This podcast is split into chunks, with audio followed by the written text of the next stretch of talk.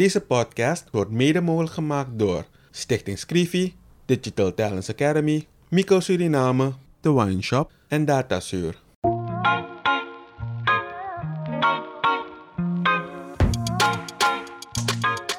In een ontspannen sfeer praten journalist Kevin Hadley en challenger Vincent Kenswell met verschillende personen over de uitdagingen en de kansen van hun werkgebied.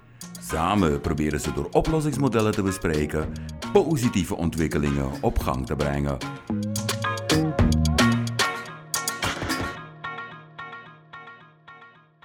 Welkom bij een nieuwe aflevering van Vrijblijvende Gesprekken, Ready Vincent. Helemaal. En vandaag hebben we bezoek vanuit Peru, maar het is gewoon een Surinamer. Soraya Besaid. Hallo, buenos días. Welkom terug thuis. Thank you. Hoe voelt het aan? Voelt goed. There's no place like home, zeggen ze toch? De eerste vraag die we meestal stellen aan de gast is: wie is de gast? Ehm, de eerste vraag was net gesteld, dus dit wordt de tweede. Wie is Soraya?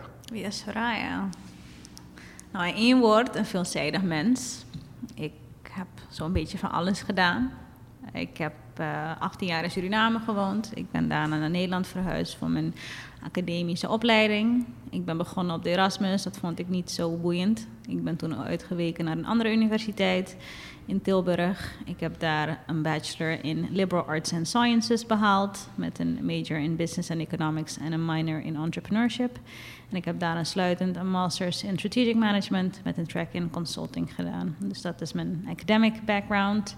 Ik ben na ongeveer negen jaar in Nederland gewoond, gewerkt en gestudeerd te hebben teruggekeerd naar Suriname. Om nou ja, met de idealen die ik toen had op 18-jarige leeftijd, die um, nou ja, in vervulling te laten gaan door terug te komen en bij te dragen aan de duurzame ontwikkeling van mijn geliefd land. Dat is me helaas niet zo goed bevallen. En ik miste gewoon ja, doorgroeide mogelijkheden, uitdagingen. Ik kreeg toen een kans om verder te ontwikkelen in Peru. En uh, dat heb ik ook gedaan. Ik ben eerder dit jaar dus uh, die kant uitgeweken. En still there, still loving it. Het bevalt je daar tot nu toe wel? Uitstekend. Wat vind je zo interessant aan Peru? Wat vind ik zo interessant aan Peru? Dat is een hele interessante vraag. Nou, alles. Ik bedoel, ze zijn gewoon heel divers, cultureel gezien. Ze hebben natuurlijk een, uh, de Machu Picchu, een van de wereldwonderen. Ze hebben hun inheemse cultuur echt heel goed gepreserved, om het maar zo te zeggen. Dat ze het gewoon ook als exportproduct, of ja, toerismeproduct moet ik zeggen, um, promoten. Hè? Ik bedoel, komen er miljoenen toeristen naar, naar Peru, met name voor de Machu Picchu. En natuurlijk om die inheemse cultuur die ze daar zo goed uh, preserved hebben te komen ervaren. Um, nou ja, het eten. Hè? Peru is, is called the food capital of the world for, yeah, with all the right reasons omdat ze gewoon een hele diverse keuken hebben, veel fusions. Um, dus dat is ook een interessante trekpleister voor met name de foodies. Veel backpackers ook. Hè. Het is ook known voor ayahuasca retreats. Dus um, ja, je kan ook echt van alles doen. Je hebt gewoon uh, de beach, je kan de bergen in, je kan, ja, weet je, uh, je kan de Amazone in. Dus het is gewoon een heel divers land dat gewoon heel veel te bieden heeft, eigenlijk voor ieder wat wil. Heel interessant. En um, voor even teruggaan in de tijd wil ik toch nog iets vragen over Peru. Je had het over de inheemse cultuur, maar ik weet dat er ook een hele grote Japanse community is. Hij is zelf een Japanse president, of tenminste president van Japanse afkomst. Hoe, hoe ervaar je die mix? Um, wat is de invloed van Japan in Peru? Ja, dat, die is nog heel erg sterk aanwezig. Fujimori inderdaad is een voormalige president geweest. Um, voor de mensen die het niet weten, de tweede grootste ja, congregatie van Japanners buiten Japan, naast Brazilië, die zitten in Peru. Dus inderdaad, heel goed dat je het uh, daarover hebt. Het is, ja, je ziet de invloeden vooral ook in de keuken, hè? de fusions waar ik het net al over had, vooral in het eten. Maar ook gewoon uh, de mensen, zoals ze er daaruit zien. Ik heb ook Aziatisch bloed. Dus um, nou ja, een van de vragen die ik al eerder gesteld kreeg toen ik hier in de studio uh, binnenliep, is, is of ik Peruaans was of, nou ja, of ik Peruaans of Surinaams was. Um, omdat ik daar ook uh, vaak nou ja, gevraagd word. Of mij gaat er gewoon automatisch vanuit dat ik Peruaanse ben. Doordat ik dus, ja goed, Aziatisch bloed heb. Dus weet je, dus ik zou gewoon door kunnen als een Peruaanse. Dus je ziet dat zowel in de ja, hoe zeg je dat? De, de mensen, de, hoe zeg je dat, de samenstelling, ethnicity-wise, maar ook in het eten zie je dat vooral ook naar voren komen. Ja, en veel van ze gaan ook in Japan studeren. er zijn dus nog wel echt banden met Japan, heb ik me laten vertellen. Dus um, ja, dat is nog wel echt uh, aanwezig. Ik denk zoals wij dat ook met Nederland hebben, onze voormalige kolonisator. En dan terug, uh, je eerste jaren, je bent hier geboren getogen. Um, natuurlijk, uh, dat hebben we ook in vaak andere gesprekken gehad. Een beetje in een privileged omgeving, neem ik aan. Um, hoe waren die beginjaren voor jou op school hier? Uh, wat heb je meegenomen van de Surinaamse cultuur, om het zo te zeggen? Ik zou zeggen de kracht van een multi-etnische samenleving, weet je. Dat is, dat is denk ik ook echt wel een asset geweest, zeker toen ik ook naar Nederland ging. Weet je, om, om diversiteit ook echt te leren omarmen. Ik bedoel, ik heb nooit naar iemand gekeken op basis van zijn kleur of hè, onderscheid gemaakt. Ik, zeg, ik zou zeggen dat dat het belangrijkste is, dat mijn opvoeding me heeft meegegeven in Suriname, in zijn algemeenheid ja, privileged. Ik heb wel op privéscholen gezeten. Dus uh, goed, in dat opzicht denk ik dat ik um, misschien een iets wat andere ervaring gehad heb. Uh, opgroeiende in Suriname ten opzichte van anderen die misschien naar de openbare scholen geweest zijn. Maar goed, ik heb dat nooit um, als zodanig ervaren. Ik heb, ook gewoon vrienden gehad buiten uh, de privéscholen die ik bezocht heb. Omdat ik ook heel sociaal bewogen was. Ik heb ook heel veel uh, nou ja, artistieke dingen gedaan buiten de studie om. Ik heb gedanst, ik heb piano gespeeld, ik heb uh, bij het Nolle Hatteman Instituut gezeten. Dus goed, zo kwam je dan ook weer in contact met um, ja, gewoon de, de, de, normale kinderen tussen aanhalingstekens.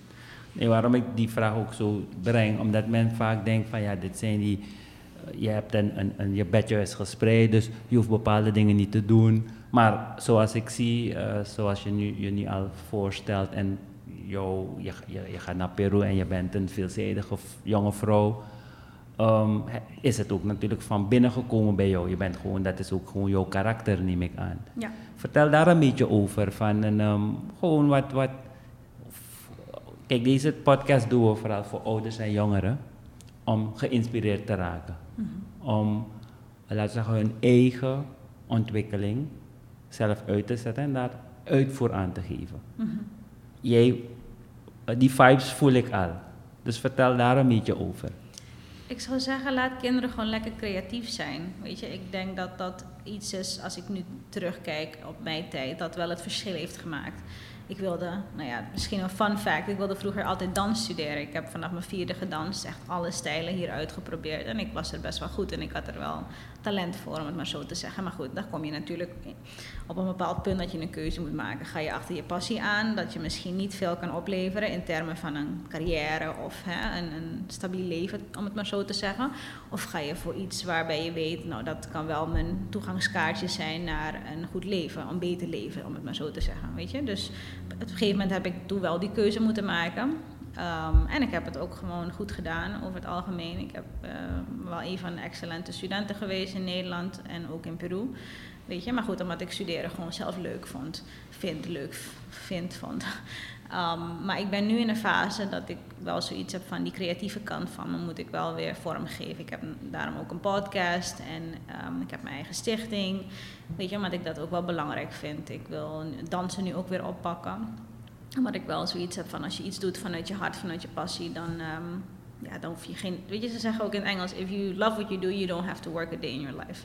Weet je, dus zo probeer ik er ook naar te kijken. Maar goed, nogmaals, die academische uh, vorming is wel belangrijk. Want het, het, stelt me wel in staat om de dingen nu te kunnen doen die ik, die, ik nu aan het doen ben of die ik wil gaan doen. Dus um, ik zou zeggen, er moet gewoon een balans gevonden worden. Ik vind sowieso schoolprestaties zijn belangrijk. Hè. Dat moet uh, ouders en kinderen zeker bijbrengen. Weet je, ik bedoel, gewoon in termen van een betere toekomst creëren voor jezelf, een beter leven creëren voor je nageslacht.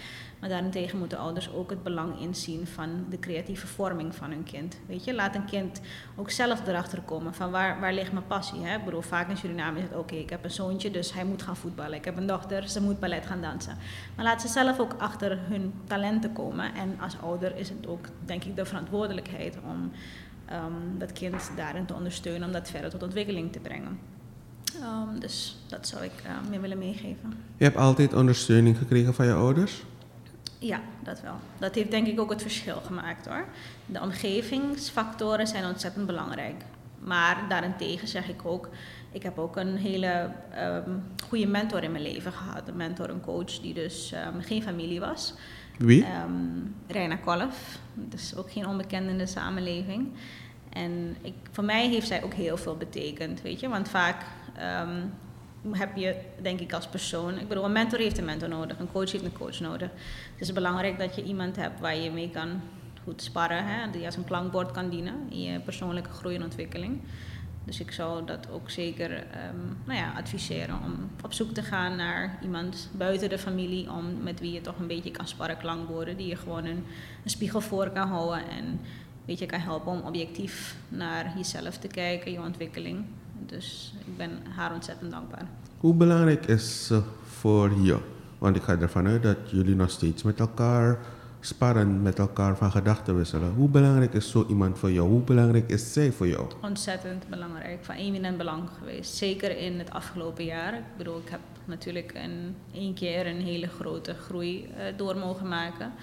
Ik heb natuurlijk het summit uh, georganiseerd in Suriname, het eerste Women's Leadership Summit. Uh, ook met ondersteuning van haar eigenlijk.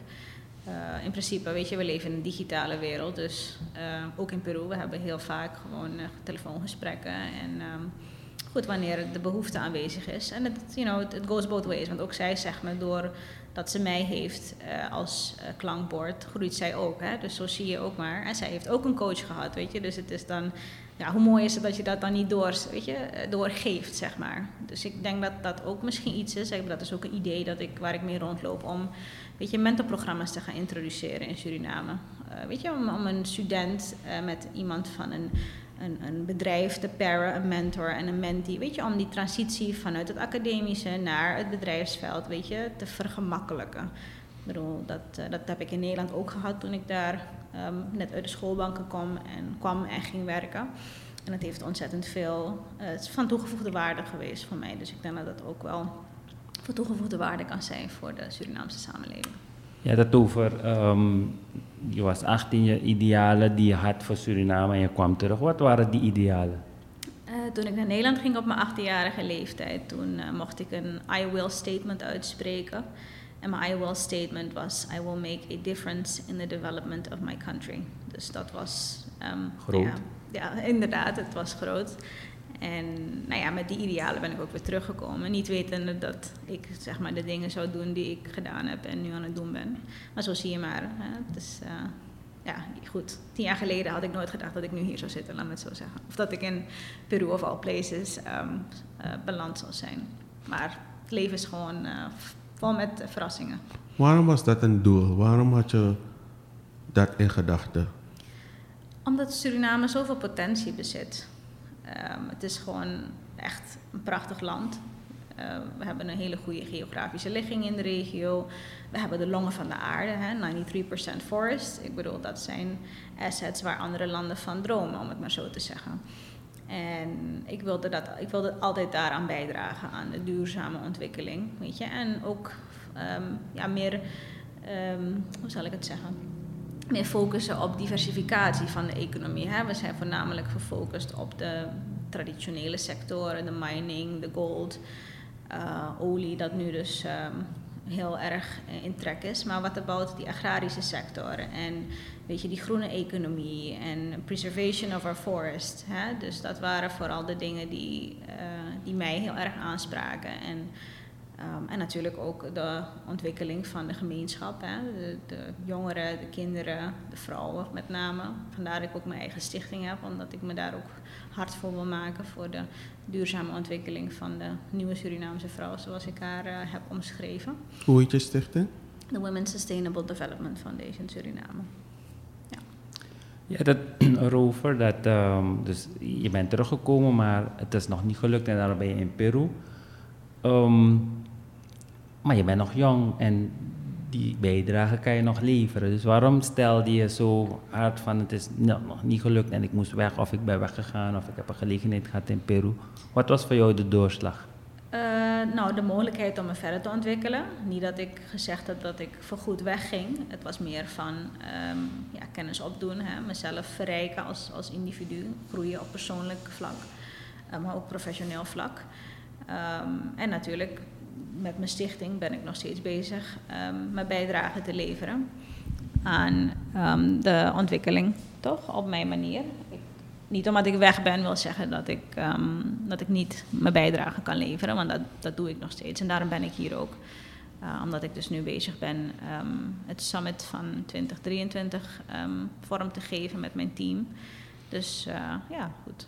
Gelukkig is het wel. Uh, maar in dus in Peru, dus- in Peru heb je iets gevonden dat jou niet alleen inspiratie geeft, maar ook dat je kennis kan opdoen. Klopt dat? ja, En wat heb je daar gevonden? Ik, heb, uh, ik ben daar gaan studeren aan de universiteit, Universidad ESAN. Heb ik een uh, postgraduate gedaan. Um, en ik heb ja, me een beetje gefocust op international relations, politics, um, intelligent organizations, om maar een paar vakken te noemen. Dus gewoon eigenlijk mezelf uh, kennisverrijking, om het maar zo te zeggen. En ook te kijken hoe ik de, regio daar beter kan leren kennen. En Suriname kan helpen, beter helpen integreren in de regio. Want zoals ik het ook al eerder aangaf, weet je, we zijn Suriname heel erg gefocust op de CARICOM. Ik bedoel, we zijn ook een CARICOM member state, dus dat is niet uh, helemaal gek.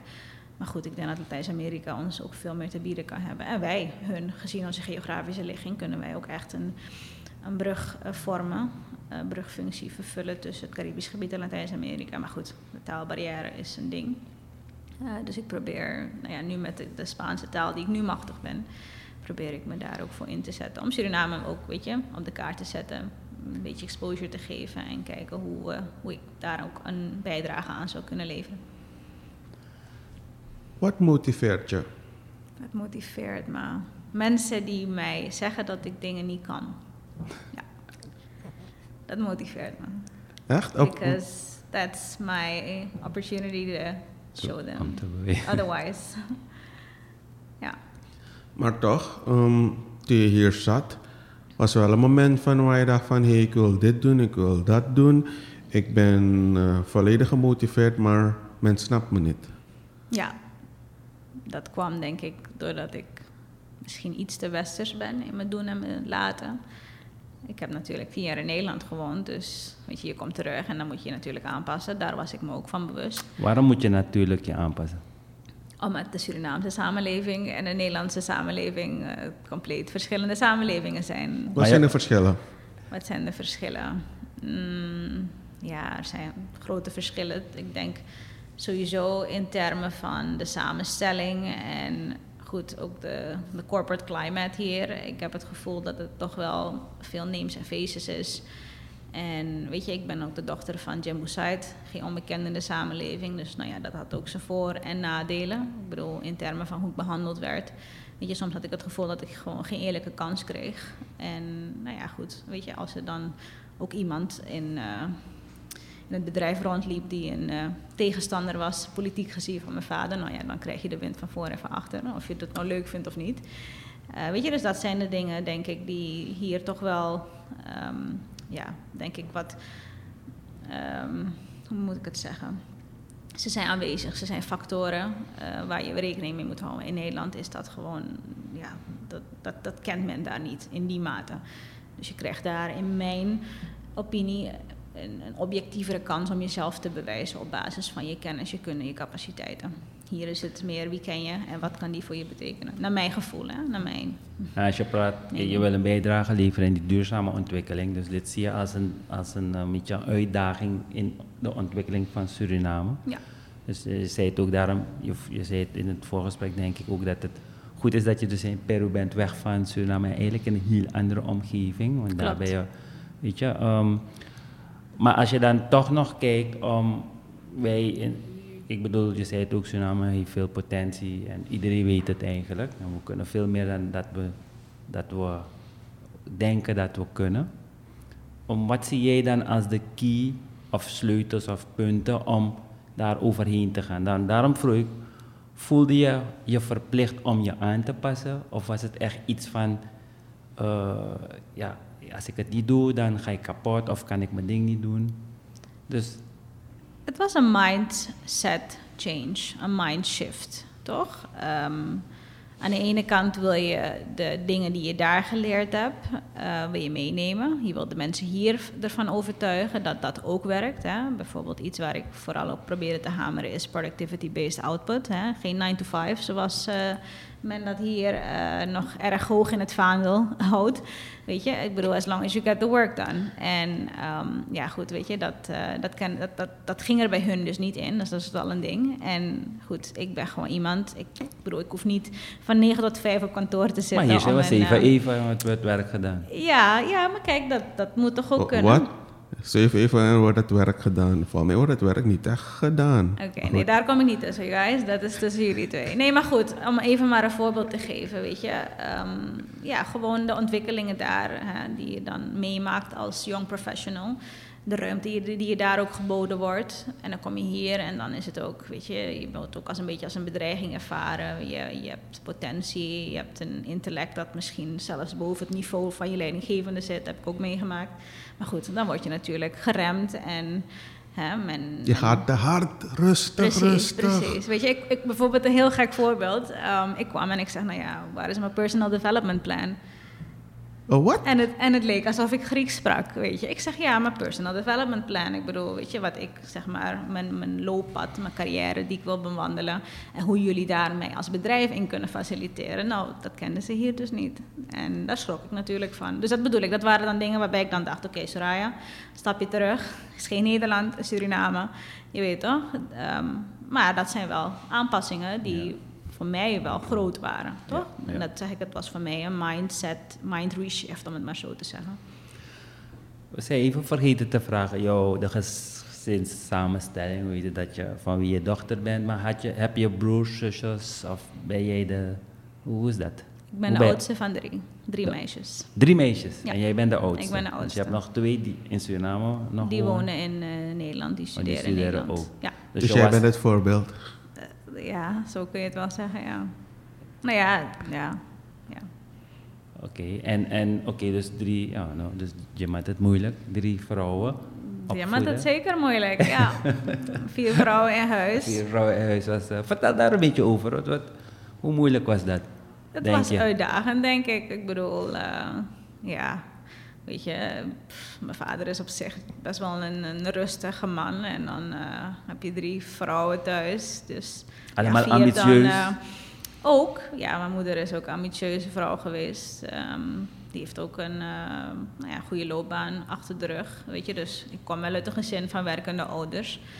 Ehm, veel eh, involvement van mijn grootouders, weet je. Want goed, als je werkende ouders hebt, dan, Ja. Sur- zeker in Suriname, dan ga je veel met opa en oma om. Dus die moet ik, ben ik ook ontzettend dankbaar. Ben je ook gevormd?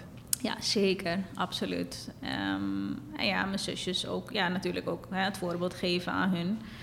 Ehm, dus dat, daar werd ook zwaar op gehamerd. Eigenlijk heb ik het gewoon het moeilijkst gehad van alle drie. om, het, om het gewoon even eh, ja, zo, zo te zeggen. Want ja, goed, weet je, onbewust. Er is toch een bepaalde druk, bepaalde verwachtingen van je.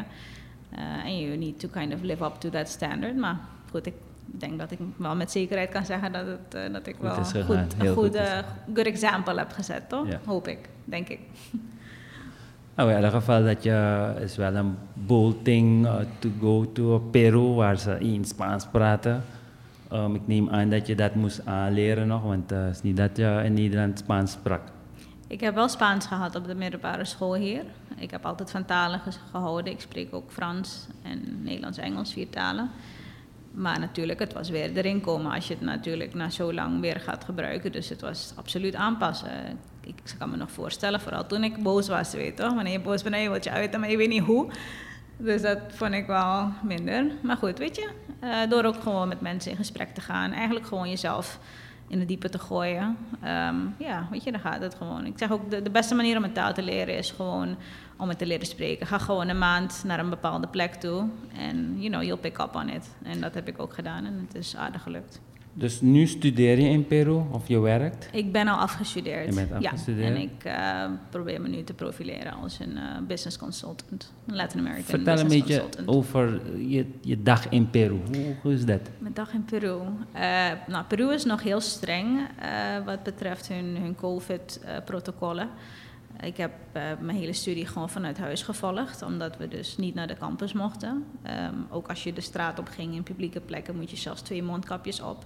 Twee? Twee mondkapjes. Er wordt overal gecontroleerd of je nou ja, gevaccineerd bent. Je moet drie uh, vaccinaties hebben, wil je een plek binnenkomen.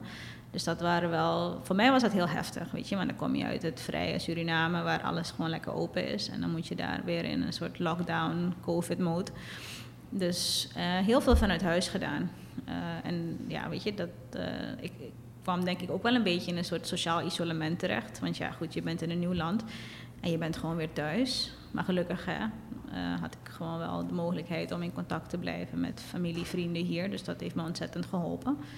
En goed, er waren ook wel, weet je, van die expat meetups, want er zijn ook heel veel expats in, in Lima. Dus goed, op die events afgegaan, wat mensen leren kennen. Uh, waar ik nu nog steeds goed contact mee heb, ja. Wat was toch wel voor jou in die periode een, een, een, een, een, een iets waar je aan kon vasthouden, waardoor je niet letterlijk gek werd? Want ik kan me voorstellen, gewoon in je kamer zitten, mm-hmm. is net alsof je in een gevangenis bent en je kan niet eruit. En in een vreemd land met vreemde mensen. Wat, wat hield je, wat motiveerde je, wat gaf je kracht? Ik zou zeggen de studie, want dat vond ik gewoon ontzettend leuk. En onbewust word je toch een soort van ambassadeur van je land als jij als enige Surinamer daar tussen alleen maar buitenlanders rondloopt. Weet je, dus ik had denk ik ook het gevoel um, dat ik een, een, dubbele taak had. Dat mijn taak eigenlijk zwaarder was. Want ja, goed, je wilt je natuurlijk zo goed als mogelijk profileren. Want jij bent ook het gezicht van je land. Toch?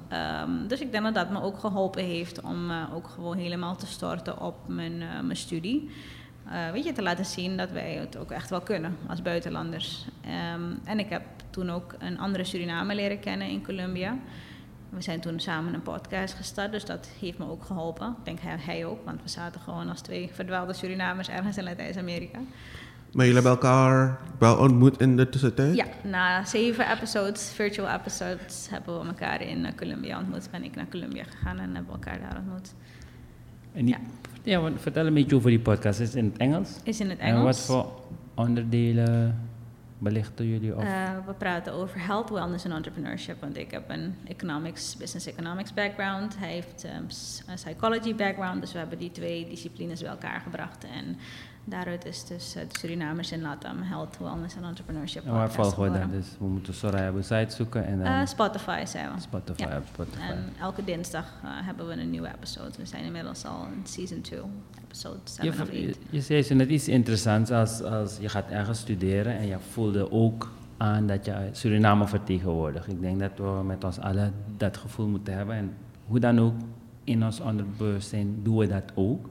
Maar als je er bewuster mee omgaat, dan ga je waarschijnlijk ook een beetje anders je anders positioneren of anders gedragen of andere vaardigheden, laten we zeggen, aanleren. Bij jou merk ik dat je geen probleem hebt om connecties te leggen. Mm. Je bent niet verlegen om gewoon in een menigte te stappen of in een groep te stappen en het, het gesprek te beginnen. Um, de ervaring leert dat we dat in Suriname nog een beetje minder doen. En ik neem aan dat, dat je daar ook een bijdrage in kan leveren. Wat zijn voor jou, wat, wat, is, nou zeggen, wat zijn de punten waar jongeren of jongeren aan moeten kijken om, uh, naar moeten kijken om dat wel te doen? En waarom is het belangrijk, denk je? Stepping out of your comfort zone. That's, I think, something that we all should do, weet je. In, Engels, in het Engels is er ook het spreekwoord... growth and comfort never coexist. En dat vrij vertaald in het Nederlands... Uh, groei en in je comfortzone blijven, dat bestaat gewoon niet. Uh, gewoon ballen hebben, gewoon lef hebben. Um, ook gewoon aan jezelf werken in termen van je public speaking. Ik heb hier uh, ook uh, trainingen gehad van GCI. Ik heb ook meegedaan met het National VOS Speech Contest. In 2011 heb ik de tweede plaats ook gehaald. Dus ik denk dat dat me misschien ook een soort voorsprong gegeven heeft, I guess. Um, dus ik zou, ik zou zeggen, investeer vooral daarin, in, in public speaking. Weet je, want ik zie dat inderdaad bij een heleboel dat je dan misschien wel goed bent in je vak, maar je gewoon je niet kan presenteren als zodanig. Hè? En ook netwerken. Ik denk dat we dat gewoon ook veel te weinig doen in Suriname. Ik denk dat men er niet van bewust is. Weet je, in het Engels is er ook een spreekwoord: Your network equals your net worth. En dat is zo waar, want als ik nu terugkijk naar de connecties die ik gemaakt heb, weet je, nou ja, dat, er zijn ook wel weer deuren van me open gegaan die waarschijnlijk niet voor me zouden zijn open gegaan was ik in Suriname gebleven. In 2011 heb je meegedaan aan het speech contest. Dat was echt een bewuste keuze van jou. Hoe, hoe heb je dat toen gedaan? Waarom wilde je dat doen? Uh, de school uh, zocht naar de vertegenwoordiger. Dus natuurlijk werd er gevraagd wie wil dat nou doen. De ik zeg nou, ja, direct. Okay. als brave student. Ik zeg ik wil dat wel. En uh, dan werd je dus getraind. Okay. En dan, uh, goed, dan vertegenwoordigde je. Nou ja, er waren dus in mijn, um, mijn jaar waren er drie. Twee vielen af en ik ging door naar de finale. Dus daar werd ik de afgevaardigd, om het maar zo te zeggen, namens het uh, Hogendoorn Atheneum die ik dan vertegenwoordigde. Nu, want nu luistert een 14-jarig meisje dat denkt van, hm, hoe kan dat dus? Wat voor tip geef je aan hun? Gewoon ballen hebben, lef hebben. Lef hebben. Maar dat ja. is zo, maar lef hebben is zo moeilijk en het lijkt zo alsof je um, je aanstelt? Nou nee, sta gewoon open om altijd iets nieuws te leren. Weet je, hebt gewoon altijd een leerhouding. Dat, is, dat heeft mij geholpen om uh, misschien ook dingen, nou ja, dingen te doen die ik misschien toen, dat ik waar ik de waarde toen niet van inzag, om het maar zo te zeggen. Maar die dus wel ervoor gezorgd hebben dat ik nu inderdaad gewoon um, ja, weet je, naar, een, naar een compleet nieuw land durf te gaan. Maar dat, dat zeg ik, dat, dat, is het, dat heeft ook met je karakter te maken. Weet je, dat, uh, ik heb gewoon ballen, dat weet ik. Dat ik gewoon naar een vreemd land ga eh, om me daar gewoon te gaan vestigen. Ik bedoel, nogmaals, het is niet voor iedereen weggelegd. Maar dat heeft ook te maken met je karakter en, en wie je natuurlijk bent. Maar durf gewoon dingen te doen. Durf open te staan voor nieuwe dingen. En kijk ook vooral hoe past dat binnen dat wat ik later wil gaan doen. Kijk, als je ik, ik, ik bedoel, het is nooit weggegooid hè, met wat je ook doet. Communicatief vaardig zijn uh, kan je heel ver brengen in het leven. Waarom vind jij het belangrijk om ook andere vrouwen te ondersteunen in hun ontwikkeling?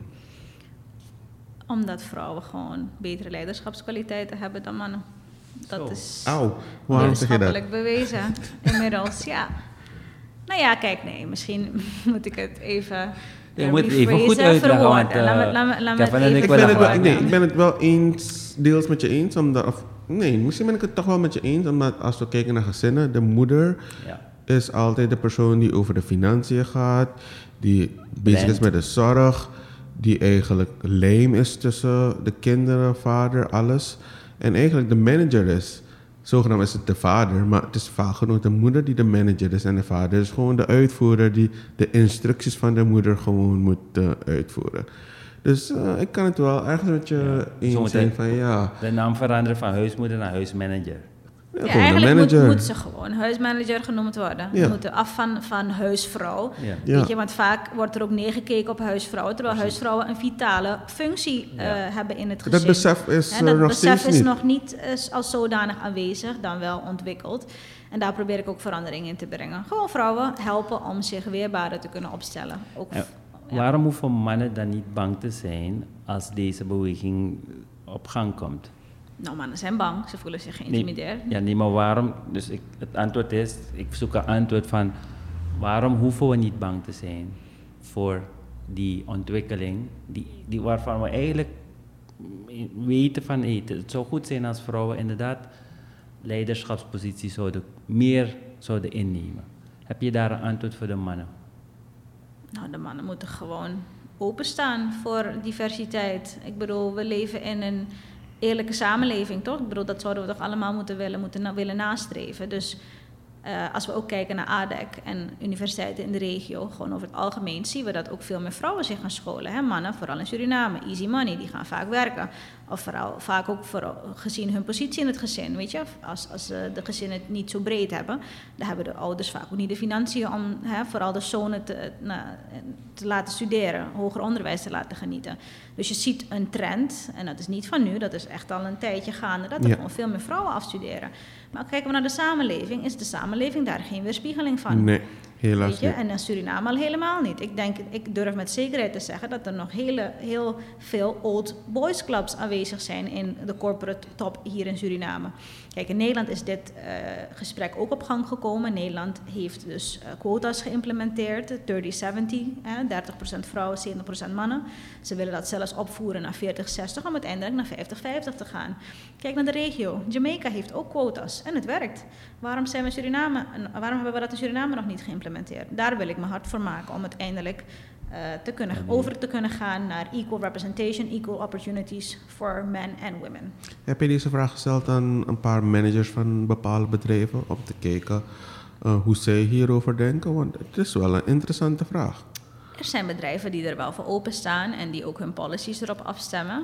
Uh, maar er zijn andere bedrijven die het ontkennen en die er het liefst gewoon ook niet over willen hebben. Je? En nou ja, dan moet je dan in zo'n bedrijf belanden. Dan zitten ze dus inderdaad niet te wachten op, uh, op iemand zoals ik. Toch? En uh, dat is jammer. Goed. Ik ga niet iedereen onder één kam scheren, maar er is wel een groot verschil tussen inderdaad de bedrijven die dat wel doen en er ook bewust mee omgaan in hun policy development. Uh, maar anderen die er gewoon lakken hebben en ja goed, gewoon doorgaan met hun bedrijfsvoering as per usual. En daar probeer ik ook veranderingen te brengen. Vooral om in ieder geval bewustzijn te creëren. Hè. Ik heb ook gezegd, ik, ik, ik, weet dat het niet van de een op de andere dag gaat veranderen, maar door weet je, in gesprek te gaan. Ik zeg ook, de mannen zijn ook welkom. Hè. Ik, het summit is niet alleen voor vrouwen, maar vooral ook voor de mannen. Want we moeten samen het gesprek aangaan. Ja, precies. Want eventjes daarop in te haken. Vaak genoeg denken de mannen, het is iets speciaal voor vrouwen. Ik hoef niet te gaan. Maar eigenlijk hebben we juist die mannen nodig die moeten gaan om te gaan luisteren van hé, hey, waar moeten we aan werken? Wat moet veranderen? Ja, zij moeten ons ook die input geven, weet je. Want kijk, we zien wel veel vrouwen in managerspositie, maar er is still a glass ceiling. Waarom zien we ze niet in de top? Toch? Dus hoe kunnen we dat op een zodanige manier aanpakken dat we uiteindelijk wel die vrouwen in die topposities kunnen zien? Toch? Want er zijn genoeg capabele Surinaamse vrouwen die ik ken. Ja. Van echt een kaliber om u tegen te zeggen. Maar die wordt het gewoon niet gegund, puur op basis van het feit dat ze vrouw zijn. Oh, ja, soms. Ik- Vincent, jij werkt met een sterke vrouw. Ja, en ehm, dat was ook een van de dingen. Je ziet ook dat eh Anushka Sonais ook haar dus haar ehm, samenstelling is ook, waren ook alleen vrouwen in, die, in het gezin. Bij, en dan zie je dat inderdaad sterke vrouwen eruit komen, omdat waarschijnlijk bij die opvoeding je de taak van de jongens moet overnemen. Maar dat brengt me dan direct op, op laat me zo zeggen, bij de opvoeding worden jongens vaak juist door hun moeder in die positie geplaatst van je bent anders dan die meisjes. Dus wat ik alleen wil inbrengen is van um, we gaan het samen moeten doen en het is goed als er summit zijn over women waarbij vrou- mannen ook kunnen komen, maar waarbij we ook um, eerlijk moeten zijn dat vrouwen een rol hebben om hun zonen op een manier op te voeden Ja. waarbij niet dat verschil er is, snap je? Maar Want er zijn dat- geen mannen- en vrouwentaken echt. Nee, maar, maar dat lijkt je Mannen net moeten uit. net zo goed Ja, maar in een... vaat kunnen wassen, Ja. hun kleren kunnen wassen, koken. En dat werd vroeger gewoon gezien als een vrouwentaak. Vrouwen Precies. koken, vrouwen hebben de zorg. Maar dat moeten we eigenlijk in deze tijd vooral eh, eigenlijk vergeten. Klopt. Ja, inderdaad. Ik bedoel, ik, ik snap waar jij vandaan komt, en dat is absoluut ook ehm, ja, goed, gewoon eh, de realiteit, denk ik. Hè? En ook wat jij zegt. Hè? Het moet, het, het, het moet veranderen bij de opvoeding. Hè? En ook, ik vind dat de, de docenten hier ook een belangrijke rol in moeten eh, spelen. Hè? Om kinderen inderdaad te leren. There's no such thing as boys things and girls things. Nee. Hè? Ik bedoel, wat jij ook zegt, waarbij er ge- vaak vanuit gegaan wordt dat een man dit moet doen, een vrouw dit moet doen. Weet je, en eh, vrouwen die dan hun zonen vaak, eh, weet je, een, een, een privileged position geven. Ja, Maar op de, op de lange termijn zie je dat het ook gewoon goed fout gaat. Want wat Ja. gaan dan dit soort mannen doen die dan op die manier opgevoed zijn? Ze gaan op zoek naar een vrouw die eigenlijk een reflectie is van hun moeder. precies. Toch? En daar moeten we gewoon vanaf. Vanaf, van. Toch? En dus, dus nogmaals, ik wil niemand de schuld geven. Ik wil Nee. alleen aangeven hoe het er nu voor staat. En om, Wat we doen om het te veranderen. ja, wat we kunnen Ja. doen, wat we zouden moeten doen eigenlijk, om over te kunnen gaan tot, weet je, die equal representation. En Ja. dat we gewoon, you know, we need to break the biases. Gewoon die, die conditionering, weet je, de manier waarop we geleerd zijn te denken om dat te kunnen veranderen. En het begint bij de kinderen, bij Ja. de opvoeding, de educatie, absoluut. Een tip is om bijvoorbeeld meer mannen in het onderwijs te krijgen. En vooral in het kleuteronderwijs. Volgens mij heb je daar helemaal geen mannen Klopt, die het ja. kleuteronderwijs geven. En daar begint het al, snap je? Ja. Maar goed, dat is echt een discussie. Ik ben blij dat er genoeg vrouwen zijn, sterke Surinaamse vrouwen, die ehm, zoals jij eh, er, er aan werken. En wij mannen die ehm, gaan daar zeker aan eh, mee helpen. Even in Peru, je bent daar, want je had het erover van je moet wel wat ehm guts hebben om er naartoe te gaan. Vertel, wat zijn de leuke dingen die je tot nu toe in Peru hebt meegemaakt? Echt waarvan je zegt van dat is echt iets waar ik, ehm, dat misschien anders is of hetzelfde is, maar wat, wat je echt leuk vindt. En, en niet alleen maar op de universiteit, maar gewoon het sociale leven daar. Eh, zijn zoveel leuke dingen die ik gedaan heb. Ehm, maar wat ik heel indrukwekkend vind, is nogmaals wat ik ook al eerder aangaf. Ik heb gewoon heel veel respect en waardering voor de manier waarop zij hun inheemse cultuur en tradities hebben gepreserved. Dus ik probeerde daar ook eh, veel gebruik van te maken. Ik ben naar een plek gegaan, Moche was dat. En toen mocht ik meedoen met zo'n eh, ja, inheems ritueel. Dat was echt heel bijzonder. Dat is echt een, ik denk, een van de meest bijzondere dingen die ik heb ervaren in het leven. Dat was op zo'n plek. Eigenlijk waren zij dus nog nazaten van die Moche community. En eh, het was volle maan en dan deden ze dus zo'n ritueel waar, waar wij dus zeg maar ehm, aan mochten meedoen. Dus de mensen die interesse hadden, dan kon je je ervoor opgeven. Dus dat vond ik eh, heel indrukwekkend, weet je. En toen dacht ik, waarom doen we dat niet? Ik bedoel, we hebben hier ook zoveel te bieden, weet Ja. je. En er zijn ook echt toeristen van all over the world die, Die daar naartoe reizen om dat gewoon te ervaren. Toch? Dus ik, ik heb ook vooral gekeken naar, oké, wat doen zij en wat zouden wij van hun kunnen leren? Want we hebben heel veel gemeen. Ondanks we misschien, hè, dat er, ondanks dat er een taalbarrière is, is er toch best veel dat we gemeen hebben. En daar, dat, ik denk dat ik daarom ook gewoon heel goed heb kunnen ademen daar, ondanks de taalbarrière. Omdat ze ook een heel warm volk zijn. Weet je, Latijns-Amerikaanse mensen zijn gewoon hele warme mensen in mijn opinie. Heel open, weet je. Eh, Ze hebben niet heel veel, maar met het weinige dat ze hebben zijn ze echt bereid om weet je, je, je de beste service, de, de beste ervaring te bieden. En, dat, en dat, dat vond ik heel bijzonder. En kijken naar de toekomst, je bent nu bezig met voorbereiding voor de summit van 2023. Eh, kan je ook beyond kijken? In 2025 wordt Suriname 50 jaar zelfstandig. Kunnen we Soraya als een, eh, als een kandidaat zien in ons bestel? Nou, het is me inderdaad gevraagd of ik niet de politiek in wil. Op dit moment heb ik geen politieke ambities. Ehm, ik vind de politiek een beetje een complex systeem. De Suriname, het, zo je- zeggen? Surinaams politiek Je kan het, je kan het niet doen. Je kan het niet doen. Wat zeg je? Je kan het niet doen. Ja. Ik kan het niet doen. ja. Waarom kan ik het niet Nee, doen? dus ik heb net goed begrepen dat dat triggert jou om het te doen. Eh, oh, dat, oh, dat bedoel je. Ja, nou, ja, kijk. Ik trigger je een beetje. Ja. Nee, ja, maar goed, eh, nou ja, nou begrijpt me. nu niet, nu niet. Eh, ik, heb eh, niet die ambities, om het maar zo te zeggen. Ik probeer het op een andere manier te doen. Weet je, ik, eh, ik pleit natuurlijk wel voor better public-private eh, partnerships. En ook eh, higher education, weet je. Ik, ik denk dat dat echt ontzettend belangrijk is. Weet je, dat er gewoon meer synergieën eh, tussen die drie eh, verschillende takken komt. En eh, dat, dat, dat, het gewoon, ja, dat we gewoon veel meer zouden kunnen doen als we kijken naar eh, het collectief belang en wat wij ook collectief te kunnen te bieden hebben aan de regio. Dus ik probeer dan mij als, door mijn werk als consultant ehm, op die manier mijn bijdrage te leveren. Ja. Nou, in ieder geval ehm, heel indrukwekkend. In ieder geval bedankt voor eh, wat je tot nu toe doet en ons natuurlijk als Suriname uitdraagt in Zuid-Amerika.